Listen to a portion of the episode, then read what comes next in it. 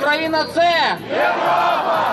Politiet brukte batonger og tåregass mot demonstranter i Ukraina i natt, men de nekter å gi seg.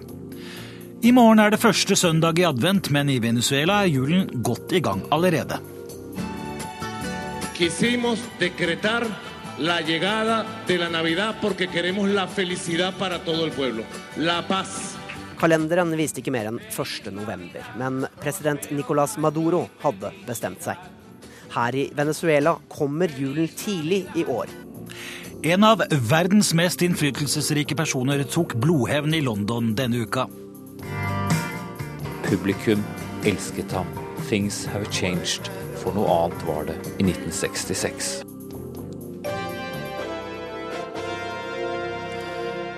Velkommen til Verden på lørdag. Som vi hørte i Dagsnytt, så skal minst tre mennesker ha mistet livet i Skottland etter at et helikopter styrtet inn i en pub i Glasgow sent i går kveld.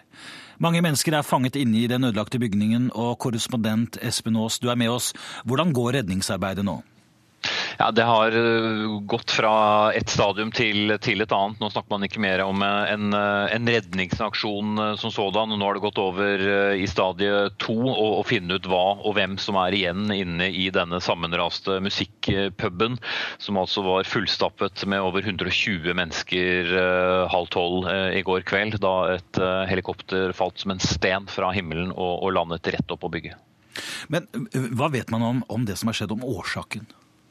Altså det flere øyenvitner uh, har sagt, som så uh, det som skjedde, sa både at det var en uh, uvanlig lyd fra selve helikopteret. Et øyenvitne har også fortalt at det så ut som rotorbladene ikke gikk rundt. og at det dermed da var årsaken til at helikopteret bare rett og slett falt ned. At det har vært problemer med, med rotoren på politihelikopteret, som for øvrig hadde en sivilpilot og, og to politimenn om bord.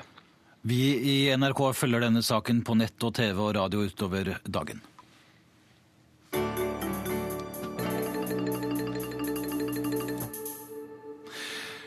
I dag er det én uke siden to svenske journalister ble bortført av væpnede opprørere i Syria.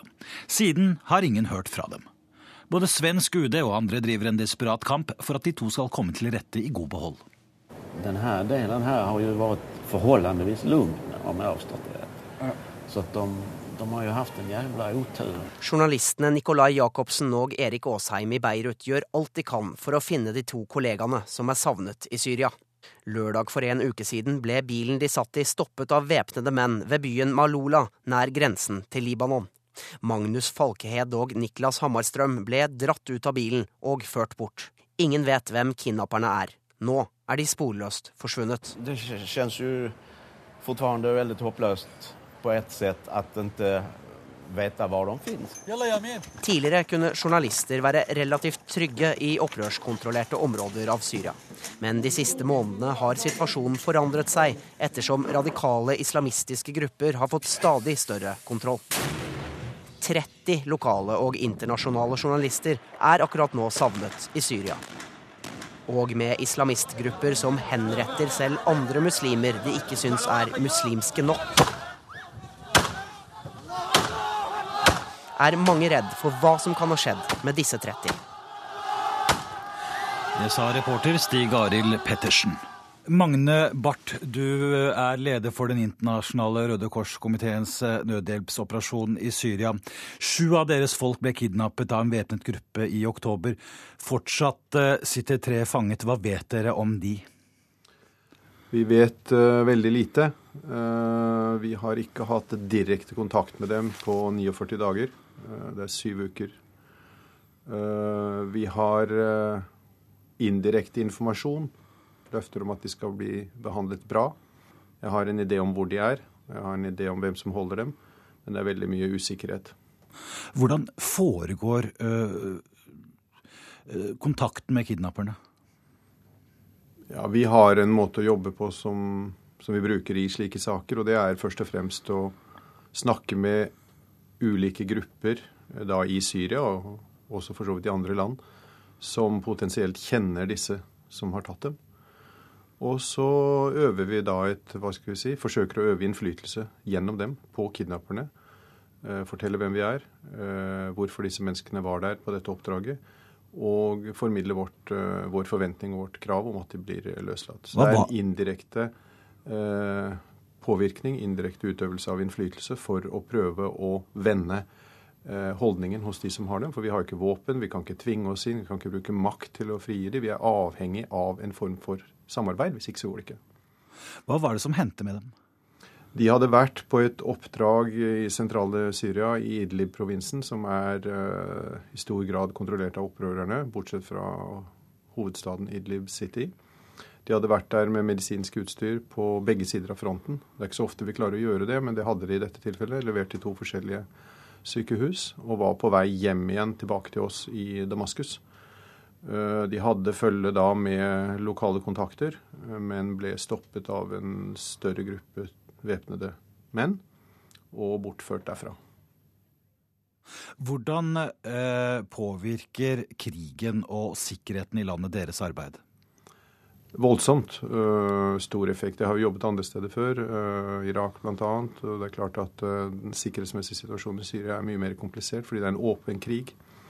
Uh, det er artilleribombardement, det er flyangrep, det er væpnede operasjoner fra opprørernes side. Det er mye tunge våpen ute og går. Sjansen for å bli truffet i kryssild er absolutt til stede. granater det regner mye granater også over Damaskus, hvis vi kan si det sånn. Så som hjelpearbeidere med et humanitært fokus, så må du prøve å være veldig, veldig forsiktig. Eh, både når det gjelder å planlegge hvor du kan reise, unngå visse steder, og når du reiser. Bygge sikkerhet så langt vi kan, særlig da i kontakt med de ulike partene til konflikten. Hvor mange kidnappinger må til før eh, dere trekker dere ut? Nei, det er ikke riktig måten å si det på. Vi har en kidnapping nå. Den jobber vi voldsomt hardt med, både fra Syria og fra Genéve og fra, øh, fra nabolandene. Vi lar ikke folk bli tilbake. Men øh, vi har heller ikke stoppet operasjonen i Syria. Man får ta hver situasjon som den er og vurdere hva man kan gjøre. Foreløpig er det mulig å jobbe, men det er veldig vanskelig. Og det er blitt vanskeligere etter kidnappingen. Ingen tvil. Um. Dere er eh, Røde Kors-seina få som er eh, inne, som er store. Hva er det dere gjør eh, for at hjelpen best mulig skal nå frem?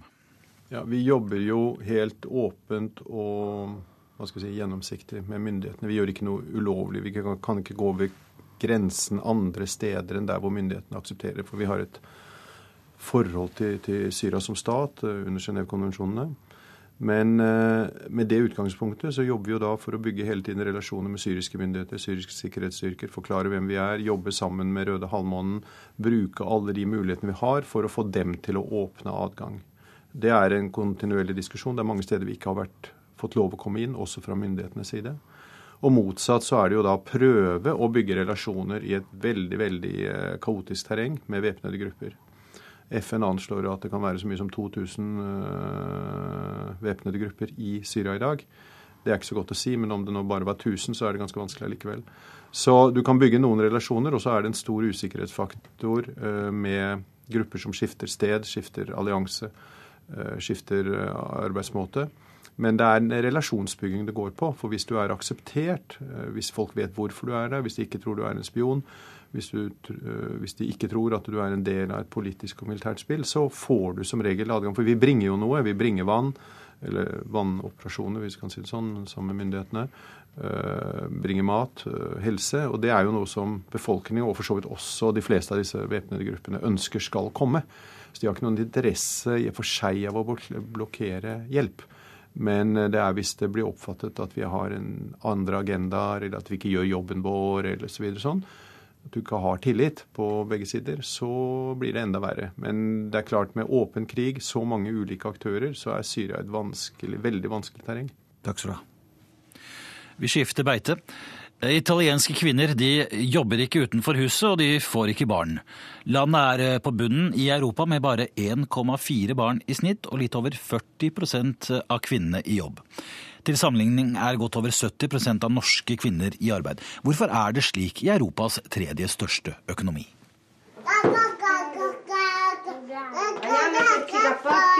Det er travel morgen hjemme hos Regina og hennes familie. To små gutter som krever sitt, og som har snudd livet på hodet for henne. due anni e mezzo fa e in quel periodo lavoravo in una cooperativa sociale che faceva assistenza ai bambini con disabilità nelle scuole. Jeg ble gravid for to år siden, da jeg jobbet som sosiallærer. Hver gang kontrakten hadde gått ut, hadde den blitt fornyet, men denne gangen sa arbeidsgiveren min nei, du er altfor gravid, man kan se magen din, sier Regina Pintos. Se si vuole lavorare o si vuole avere un figlio, io ho avuto un figlio e ho perso il mio lavoro. Her må du velge om du vil ha jobb eller barn. Jeg fikk barn og mistet jobben, sier hun. Um, my employer is not paying me at the moment. He is paying uh, a substitute for me, so the girl who is at my place at work. Arbeidsgiveren min betaler meg ikke nå, han betaler en som vikarierer for meg frem til januar, sier Sara Di Pietro. 31-åringen har en liten gutt på snart seks måneder, men da hun fortalte arbeidsgiveren i et filmproduksjonsselskap at hun var i lykkelige omstendigheter, var reaksjonen som fryktet. Said, oh, uh, you are the second person who is going uh, on maternity, and I don't know how to do. Uh, it already du er den andre som sier du er gravid. Jeg vet ikke hvordan jeg skal håndtere dette. Men så fant vi en felles interesse i at jeg skulle få beholde jobben min mot at jeg ikke fikk noen penger, sier hun. Det er i strid med italiensk lov. It is not legal. In Italy, you, you, you cannot be, uh, you have to be paid when you are in a maternity period. But why uh, did you uh, agree on that? I agree because I had no, no other, I mean, it was my only jeg gikk med på det fordi jeg ikke hadde noen annen mulighet. Det var enten det eller over og ut, sier Sara. Italia er sammen med øystaten Malta nederst på statistikken i EU over yrkesaktive kvinner, ifølge Eurostat. Ikke bare det, landet er rangert på 80. plass når det gjelder likestilling, bak land som Burundi og Mosambik. Verissimo. Donne italiane sono molto discriminate, non soltanto nell'accesso al lavoro. Kvinner er veldig diskriminert, ikke bare når de skal inn på arbeidsmarkedet, men også i lønns- og karrieremuligheter, sier senator Titti Di Salvo. Selv om lovene er der, er det en utbredt praksis for å omgå dem, mener hun. Annet kan kvinner bli bedt om å skrive under et spesielt papir når de blir ansatt.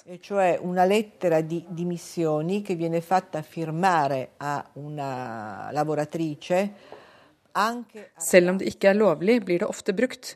Hun må skrive under et papir som sier at hun slutter i jobben.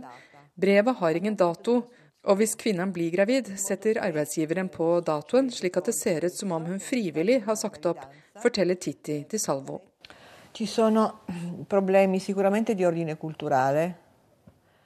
Problemene ligger i kulturen, og med tiden har de blitt større, mener senatoren. Staten misbruker kvinner der de ikke har noe velferdstilbud. Staten har utnyttet kvinners omsorg i stedet for å bygge barnehager, mener politikeren.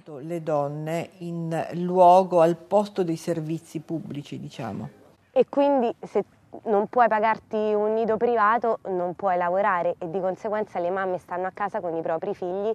Hvis du ikke kan betale en privat barnehage, så betyr det at du ikke kan jobbe, og derfor er mødre hjemme. Det er vanskelig både når du er gravid og når du har fått barn, sier Regina. Sara skal tilbake på jobb i januar, men hun har ingen kontrakt som garanterer det. I, ha, I don't have a contract, actually.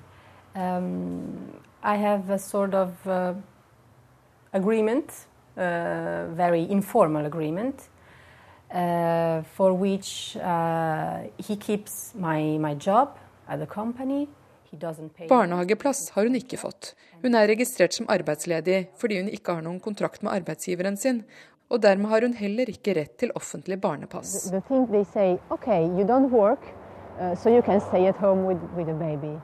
De tenker du jobber jo ikke, da kan du jo bli hjemme med babyen, sier hun. Åse Marit Befring har vært i Italia. I forrige uke så kunngjorde USAs utenriksminister John Kerry at han var blitt enig med Afghanistans president Hamid Karzai om den endelige teksten i en sikkerhetsavtale mellom de to landene.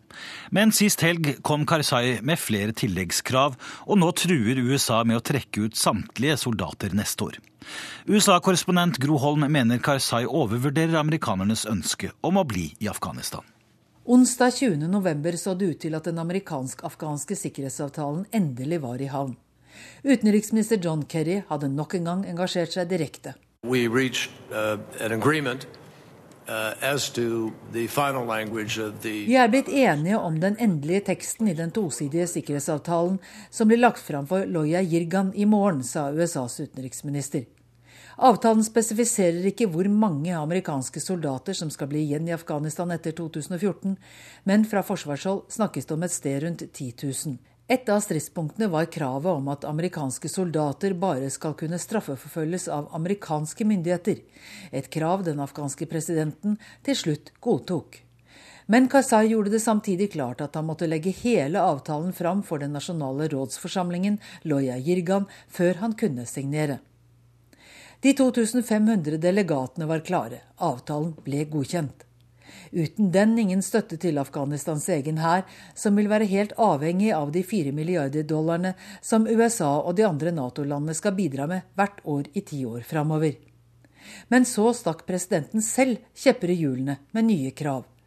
USA må løslate alle de afghanske fangene på Guantánamo. De amerikanske styrkene i landet må godta et totalforbud mot å drive husundersøkelser i afghanske hjem. Og USA må akseptere at avtalen ikke blir undertegnet før det afghanske presidentvalget i april. Reaksjonene på presidentens utspill var kraftige, både i Afghanistan og her i USA.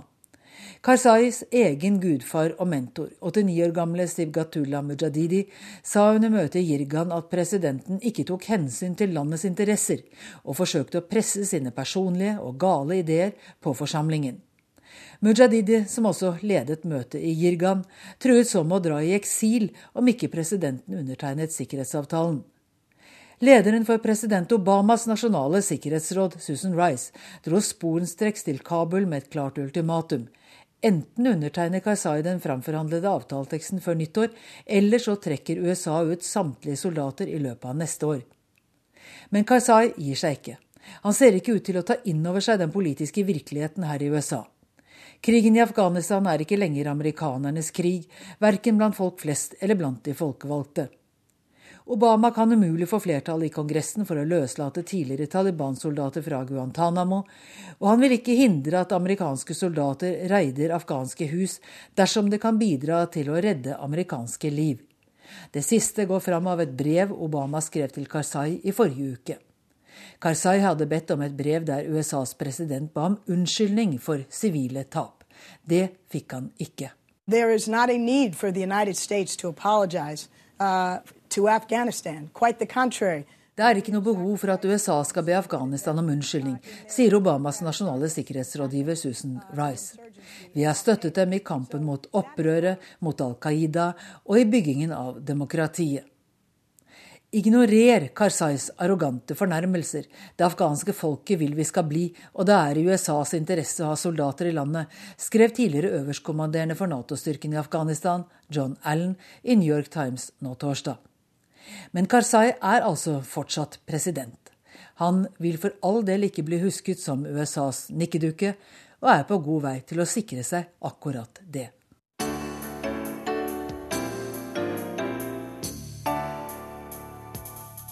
I Ukrainas hovedstad Kiev er mange mennesker skadd eh, da politiet brøt opp en demonstrasjon med både tåregass og batonger i natt. Eh, Guri Nordstrøm, eh, reporter der. Hva er det som skjer? Det som skjer er at eh, Klokka fire i dag morges så gikk eh, sikkerhetsstyrker til angrep på demonstranter som tilsynelatende sto helt rolige på Maidanplassen. Så langt så har vi hørt at det er 44 skadd og 10 arrestert.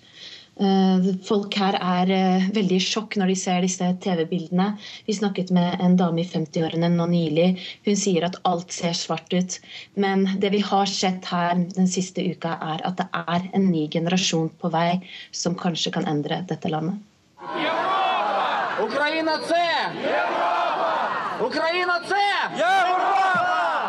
Ukraina hører til Europa, roper demonstrantene på Maidanplassen her i Kiev. De har ropt det samme hele uka, men de har ikke blitt hørt.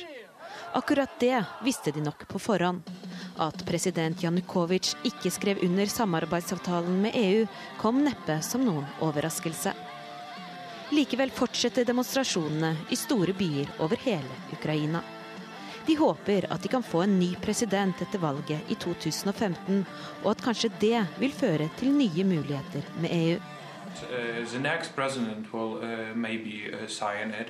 Uh, although this is the step that should be taken and that will be taken. That's just a um, question of a time. Det er en ny generasjon i emning. De er rett og slett lei av politikere og spør hva som er forskjellen på Janukovitsj og opposisjonen. Det som er interessant med denne demonstrasjonen, er at det har kommet unge demonstranter både fra øst og vest, forteller Oksana Romanok. Tradisjonelt sett har jo Ukraina vært delt i midten med Russlands-sympatisører i øst og Europas-sympatisører i vest. Dette skillet ser ut til å være visket ut med den nye generasjonen. Nå ønsker ungdom over hele landet å bli en del av Europa, forteller hun. Romanok leder en av de frivillige organisasjonene IMI, som den siste uka har stått på barrikadene. I kontorlokalet har de tilbudt overnatting til unge ukrainere som har kommet til Kiev fra hele landet, og som ikke har råd til å ta inn på hotell mens demonstrasjonene varer. Fortiden med Sovjetunionen fortoner seg som et spøkelse for mange av de unge som demonstrerer på Maidan-plassen. I dette forholdet har Ukraina alltid vært lillebror, og nå mener mange her at det er på tide å rive seg løs, på ordentlig. Russland har nemlig hele veien gjort det klart at de ikke har likt Ukrainas flørting vestover. De ønsker heller at Ukraina skal bli med dem i en tollunion sammen med Kasakhstan og Hviterussland. Og for å vise at de mener alvor, innførte de i sommer importforbud av bl.a. det ukrainske sjokolademerket Roshen, som er ukrainernes svar på Freia. Vi liker russere som folk, men vi liker ikke at de skal fortelle våre myndigheter hva de skal gjøre, sier en av demonstrantene vi møter. Han er 22 år gammel og har budskapet klart. Om ikke foreldregenerasjonen klarte å komme seg ut av Russlands skygge, så skal iallfall dagens unge generasjon klare det. I Vilnius eh, sa Angela Merkel til eh, Ukrainas president Viktor Janukovitsj at EU hadde ventet mer fra Ukraina, mens han svarte at den økonomiske situasjonen er meget vanskelig i Ukraina. Eh, Moskva-korrespondent Hans-Wilhelm Steinfeld, du er i Vilnius. Hva konkret er det som tvinger Ukraina til å holde seg i russernes fold? For det første så skylder Ukraina russerne inn på 30 milliarder amerikanske dollar. Eh, hadde de nå tatt denne assosieringsavtalen, så ville russerne begynt å inndrive den gjelden. I tillegg ville russerne krevd forhåndsbetaling av all gass. Er hovedkilden for strøm til Ukraina foran denne vinteren. For det tredje ville russerne stengt grensen for ukrainske varer til sin tollunion med Kasakhstan og Belarus til 170, 000, 170 millioner forbrukere. Og dette i sum fikk arbeidsgiverforeningen i Ukraina til å be Janukovitsj innstendig om å utsette hele avtalen med EU. For Ukraina har ikke økonomiske muskler til å foreta dette spranget mot vest. I tillegg kommer det politiske, nemlig det at 80% av alle mulige og umulige regler i EU var bakt inn i avtaleutkastet. Og vi vet jo hvor mye kritikk f.eks. EØS-avtalen møter i Norge. Den er blåbær å regne for de krav EU stilte til forandring i Ukraina nå. Men eh, helt kort, hva er det de får nå, da? Er det ikke ukrainerne lei av å stå i matkø pga. russerne? De står ikke i matkøer, men det er klart at det har Øyvind, ikke skjedd noe positivt økonomisk på 30 år i Ukraina. Som i Russland har oligarkene knabbet det som var av verdi, det er kull- og stålindustrien. Den eksporteres til vest, ikke til øst. Derfor var de for et EU-integreringsopplegg. Eh, men, eh, men det er klart at Ukraina har en veldig lang vei å gå før landet er i nærheten av å kunne konkurrere på et vestlig marked med produkter som de i dag ikke lager. Men fattige Moldova, de eh, får det til? Ja, de, Vi snakket jo med statsministeren, det gikk i Dagsrevyen i går, og han var veldig glad. Det er mange hundre tusen moldovere i Europas fattigste stat som søker arbeid i EU. Mange hundre tusen jobber i Russland. Og nå får de visumfrihet med Schengen-området. Det betyr at de moldovere som i dag jobber i vest, vil mye mer uanstrengt også kunne komme hjem, gjøre en arbeidsinnsats hjemme. Og Moldova, som jo er et lite land, det er en av de minste av de tidligere sovjetrepublikkene, ligger mellom Ukraina og EU, har vært veldig flinke når det gjelder å harmonisere lover og regler etter krav for EU. Så sett med Brussels øyne, her i Vilnius, så var Moldova den flinkeste gutten i klassen under dette toppmøtet om partnerskap mot øst. Og god tur tilbake til Moskva. Takk for det. Det politiske Tyskland står foran en skjebneuke. Kristeligdemokratene og sosialdemokratene er enige om en regjeringsavtale, men før regjeringen kan tiltre, må avtalen ut i en uravstemning. Utfallet er høyst uvisst, rapporterer Arnt Stefansen fra Berlin. Die Mehrwertsteuererhöhung und die Rente mit 67 Sosialdemokratenes leder Sigmar Gabriel kjemper sitt livs kamp som politiker. Greier han ikke å overbevise sine partifeller om å si ja til den nye samlingsregjeringen, er hans karriere som toppolitiker trolig slutt. Og ikke nok med det, et nei fra SPD-medlemmene kan få alvorlige følger for partiet, for Tyskland og for Europa.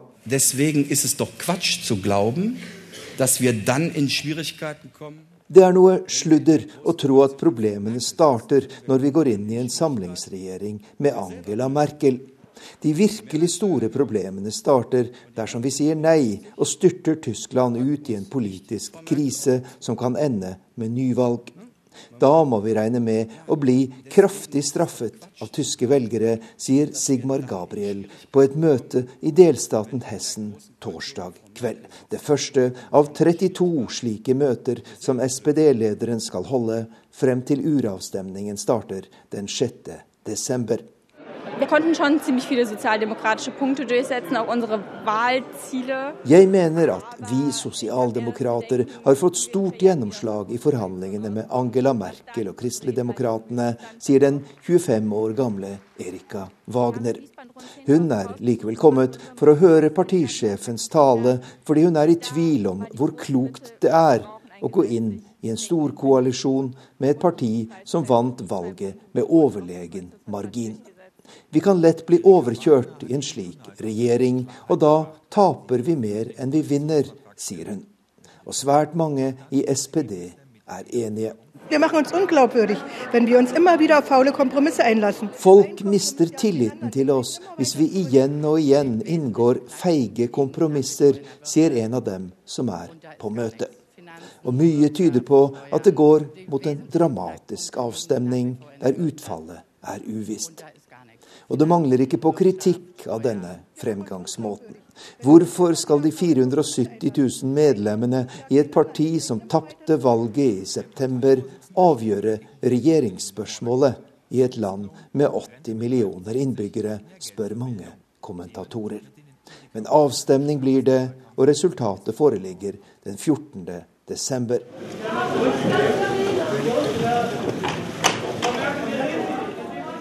Bundespressekonferens her i Berlin sist onsdag. Flere hundre journalister kjemper om plassen og de beste bildene når de to kristelige unionspartiene og SPD kommer for å legge frem innholdet i sin felles regjeringserklæring. To måneders politiske tautrekninger og en nattlig forhandlingsmaraton ligger bak dem, men humøret er upåklagelig. Das sind wir erst um äh, 6 Uhr ins Bett gekommen. Getrennt. Könnt mer. mir Først klokka seks i morges var vi i seng, og hver for oss, fleiper lederen for Den kristelig-sosiale unionen, Horst Seehofer. Og selv den strenge Angela Merkel ler hjertelig før hun oppsummerer forhandlingene. Zentrale Versprechen, das kann ich für die Christlich-Demokratische Union sagen, die wir den Menschen während des Wahlkampfes gemacht haben. Vi har holdt vårt viktigste valgløfte, å unngå skatteøkninger de neste fire årene. Det styrker økonomien og sikrer arbeidsplassene her i Tyskland. Solide finanser er grunnleggende for oss, og det er et viktig signal til Europa, der den dype gjeldskrisa ennå ikke er overvunnet, sier Angela Merkel. En annen stor oppgave for Tysklands nye regjering blir å gjennomføre den såkalte energirevolusjonen, overgangen til fornybar energi. Jeg Jeg mener dette er den største teknologiske, økonomiske, sosiale og økologiske utfordring Tyskland har stått overfor siden gjenforeningen for mer enn 20 år siden, sier SPD-leder Sigmar Gabriel. Vi er enige om at innen 2035 skal 55-60% av vår energi komme fra fornybare kilder. Men det er enorme utfordringer og svært høy risiko i dette prosjektet, sier SPD-sjefen. Men i øyeblikket er hans største utfordring å få sine partifeller til å si ja til den nye regjeringen. Vi har akkurat fått en melding om at USA skal ødelegge de giftigste kjemikaliene fra Syrias våpenprogram. Det skal skje på et skip til sjøs ved hjelp av hydrolyse ifølge Organisasjonen for forbud mot kjemiske våpen.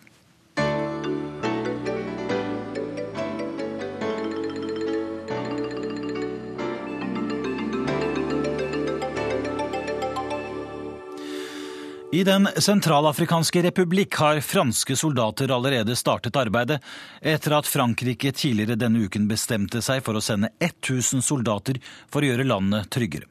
Reporter Vegard Kjørom har mer.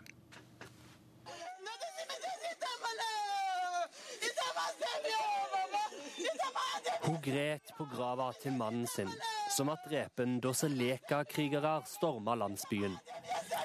Seleka-hæren tok i mars over makta i Den sentralafrikanske republikk, men har i ettertid gått i oppløsning. Nå jakter de på sitt eget folk.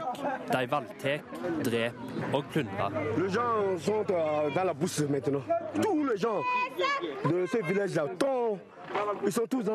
Den fortvilte mannen står midt i en tom, liten landsby inne i den sentralafrikanske jungelen. Han forteller at alle i landsbyen har flykta inn i skogen, for de er redde for at Seleka skal drepe dem.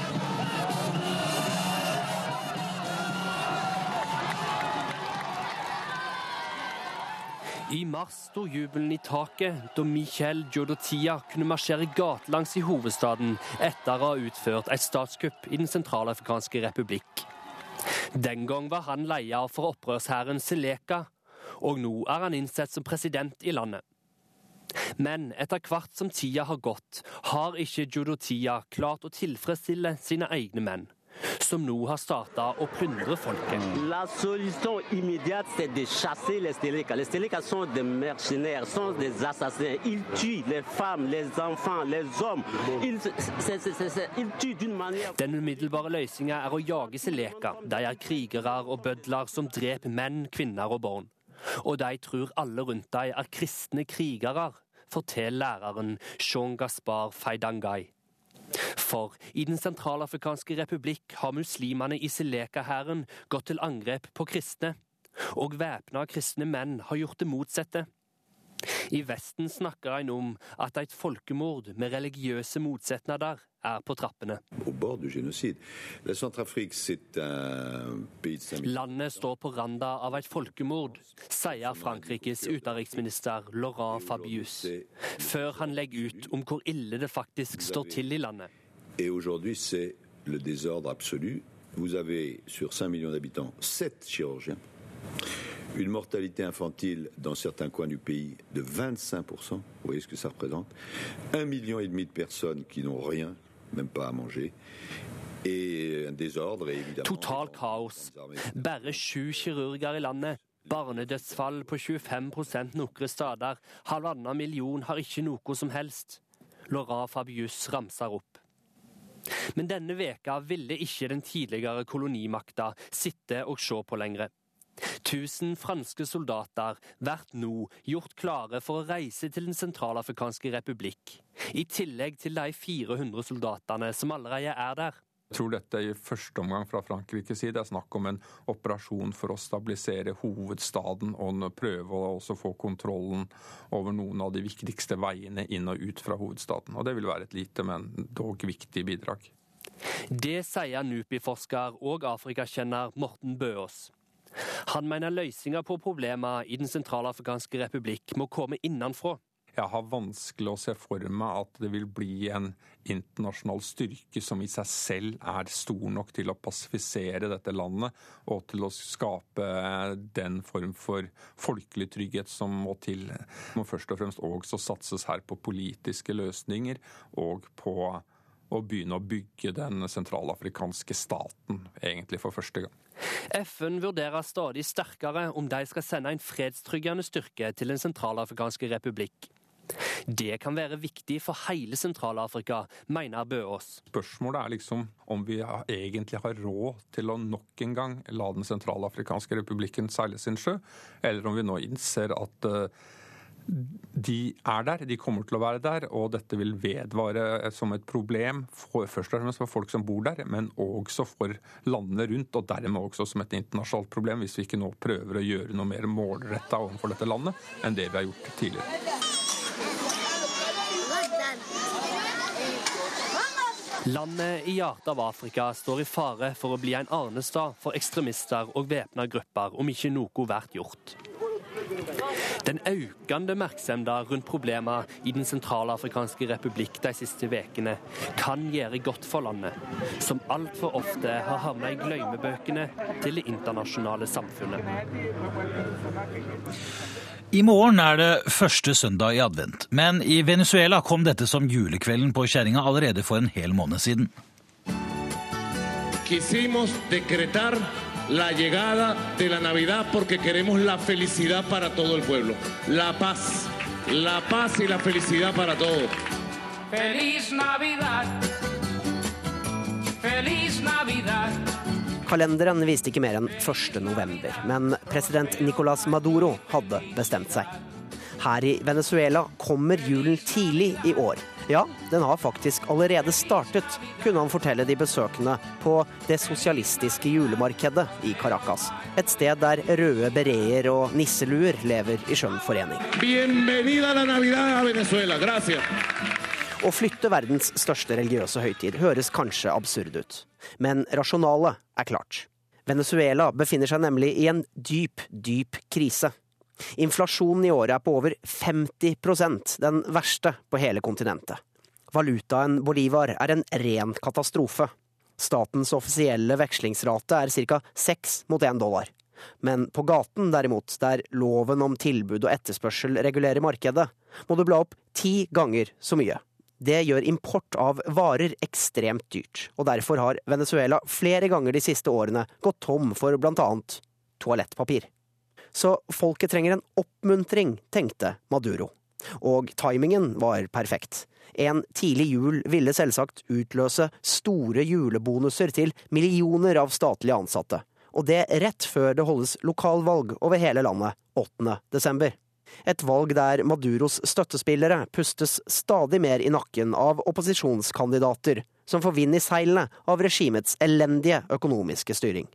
Men Maduro hadde flere S i ermet. Ikke bare erklærte han den offisielle dagen for lojalitet og kjærlighet til Hugo Chávez like før valget. Han gikk også George Orwell i næringen og opprettet et visedepartement for det venezuelanske folks aller høyeste sosiale lykke. En honor a nuestro comandante Chávez y a Bolívar. El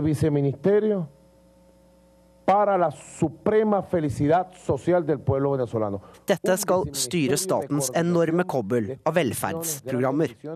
Men det tar ikke slutt der. Presidenten vil nemlig den høye inflasjonen til livs.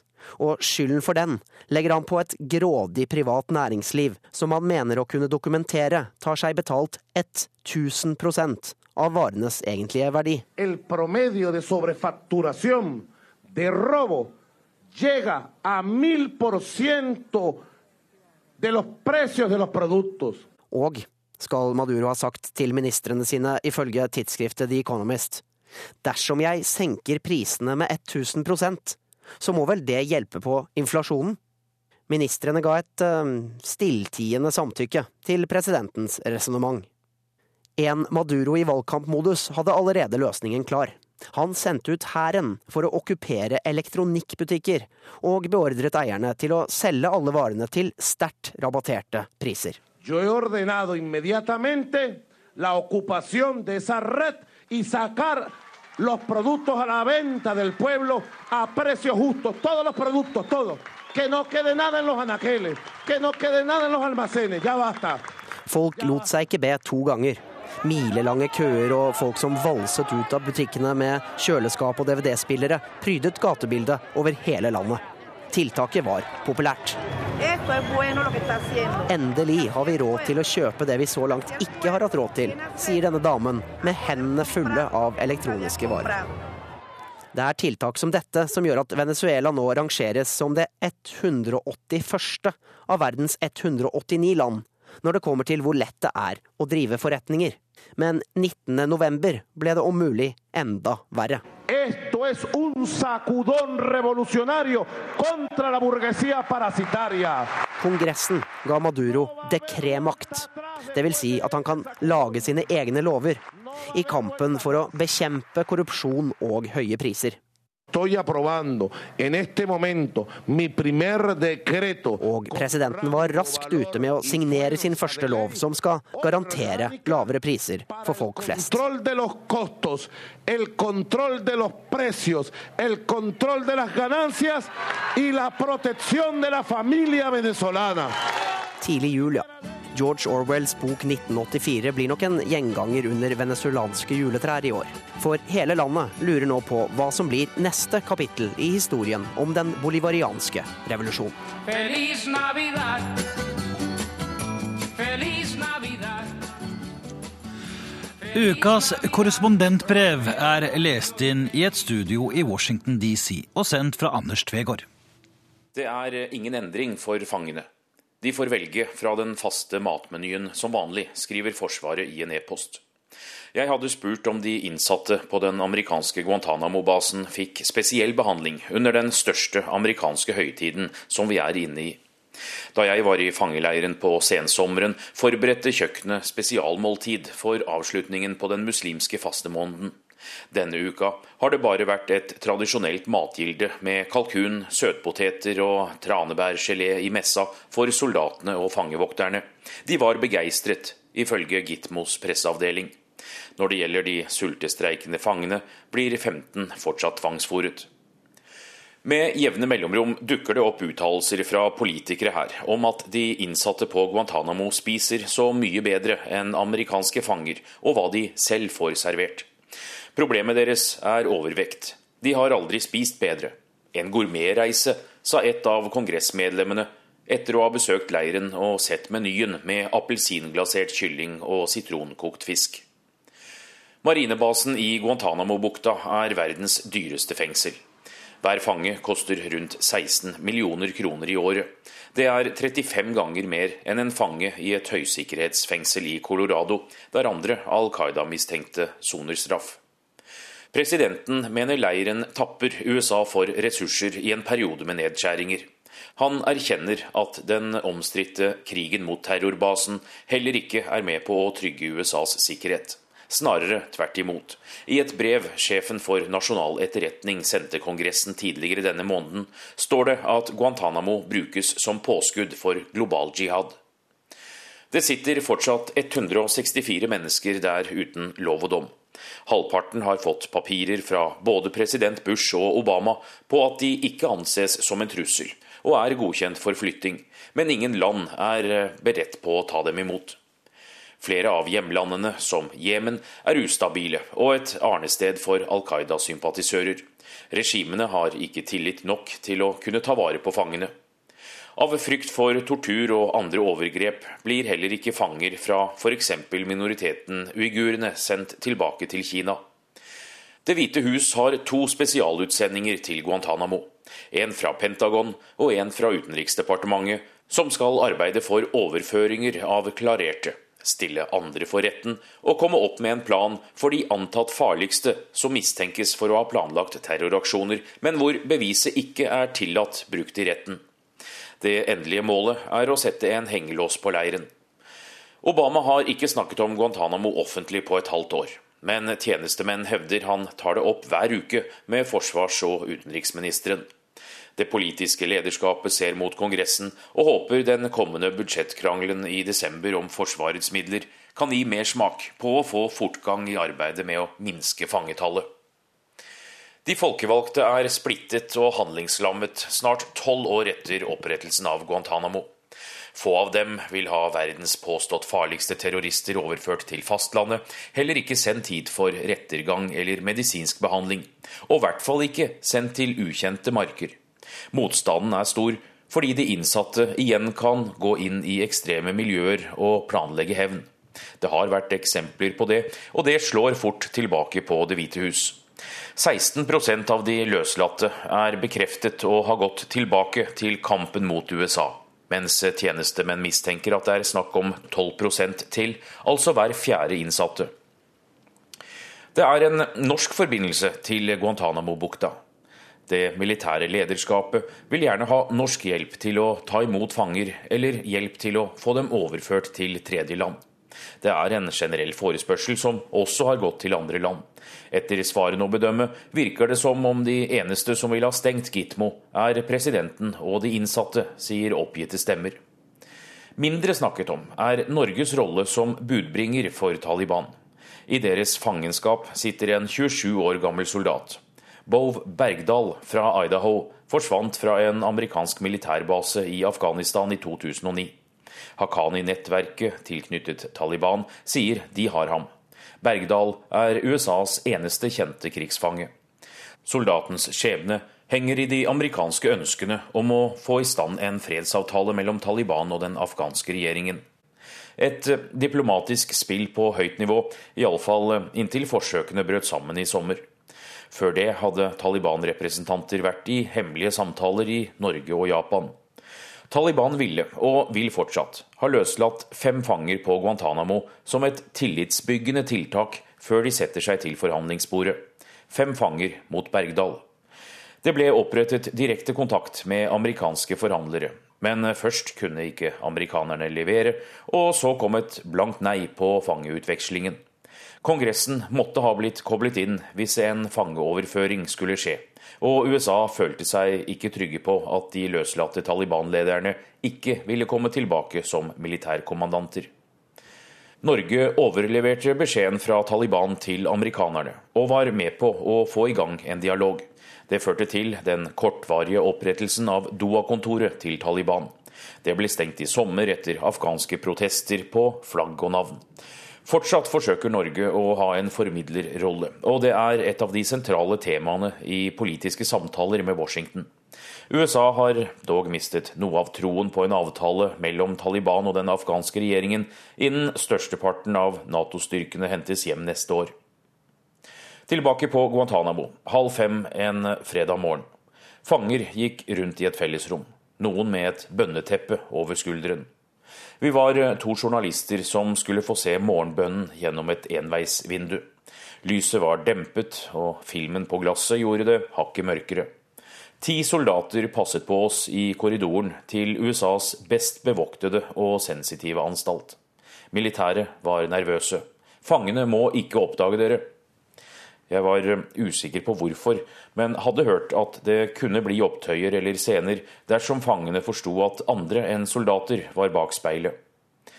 Det var i dette oppholdsrommet de som ble sett på som adlydende fanger, fikk være. Leir nummer seks. Selve belønningen på Guantánamo. En fellesgård der de kunne spise, be, utveksle bøker, se på en storskjerm, drikke myntete, være sammen. Det var plass til 20 stykker. Enkeltceller fordelt på to etasjer, og gjerder malt i rødt, omringet atriet i alfablokka. Det var ingen naturlige lyskilder inn hit. Midt i manesjen sto noen bord og stoler kledd i aluminium og støpt til gulvet. På betonggulvet lå en stabel med religiøse bøker.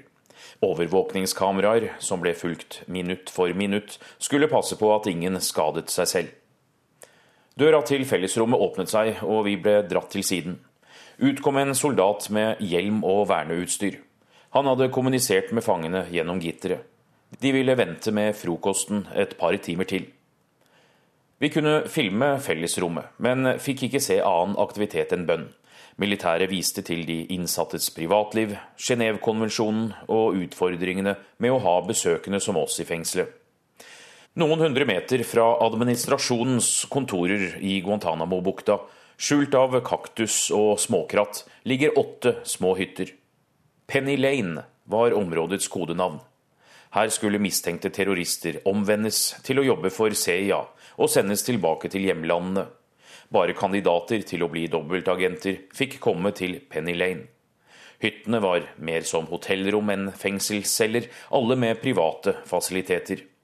De samarbeidsvillige ble tilbudt millioner av dollar og sikkerhet for familien mot å reise tilbake og peke ut Al Qaida-medlemmer, kunne nyhetsbyrået Ap nylig fortelle. Penny Lane er forlatt nå, men i noen år, fram til 2006, var dette en del av CIAs hemmelige rekrutteringsprogram. Det amerikanske forsvaret forsøker å bedre Guantánamos rykte, men fortsatt er det hemmelig hvordan de antatt farligste fangene har det. De som mistenkes for å ha hatt noe med terrorangrepene 11.9.2001 å gjøre. De sitter i leir nummer sju. En advokat som nylig hevder å ha sett Camp 7, men ikke har lov til å gi detaljer, mener forholdene ikke møter internasjonale standarder. Jeg spurte Guantánamos sjef om det ikke var på tide med gjennomsiktighet også her, for å stanse rykteflommen. F.eks. For fortelle hvor mange som holdes der, og hva rutinene er. Vi prøver å vise så mye vi kan, svarte han, men leir 7 var utenfor rekkevidde. På nrk.no kan du finne flere saker fra turen til Guantánamo. Også et annet område var, eller er, utenfor journalistenes linser på Gitmo. Fengselet kalles Strawberry Fields. CIA har opplagt hatt en fascinasjon for Beatles. Det er uklart om Strawberry Fields er samme omtalte informasjonsvakuumbelagte leir nummer sju. Anstalten fikk angivelig navnet sitt fordi fangene kommer til å sitte på Strawberry Fields forever. Ingen endring, med andre ord, med mindre presidenten klarer å innfri valgkampløftet om å stenge Guantánamo. Verden på lørdag er slutt. Tekniker Lars Tronsmoen, skript Tove Nilsen Søtorp, og jeg heter Øyvind Nyborg.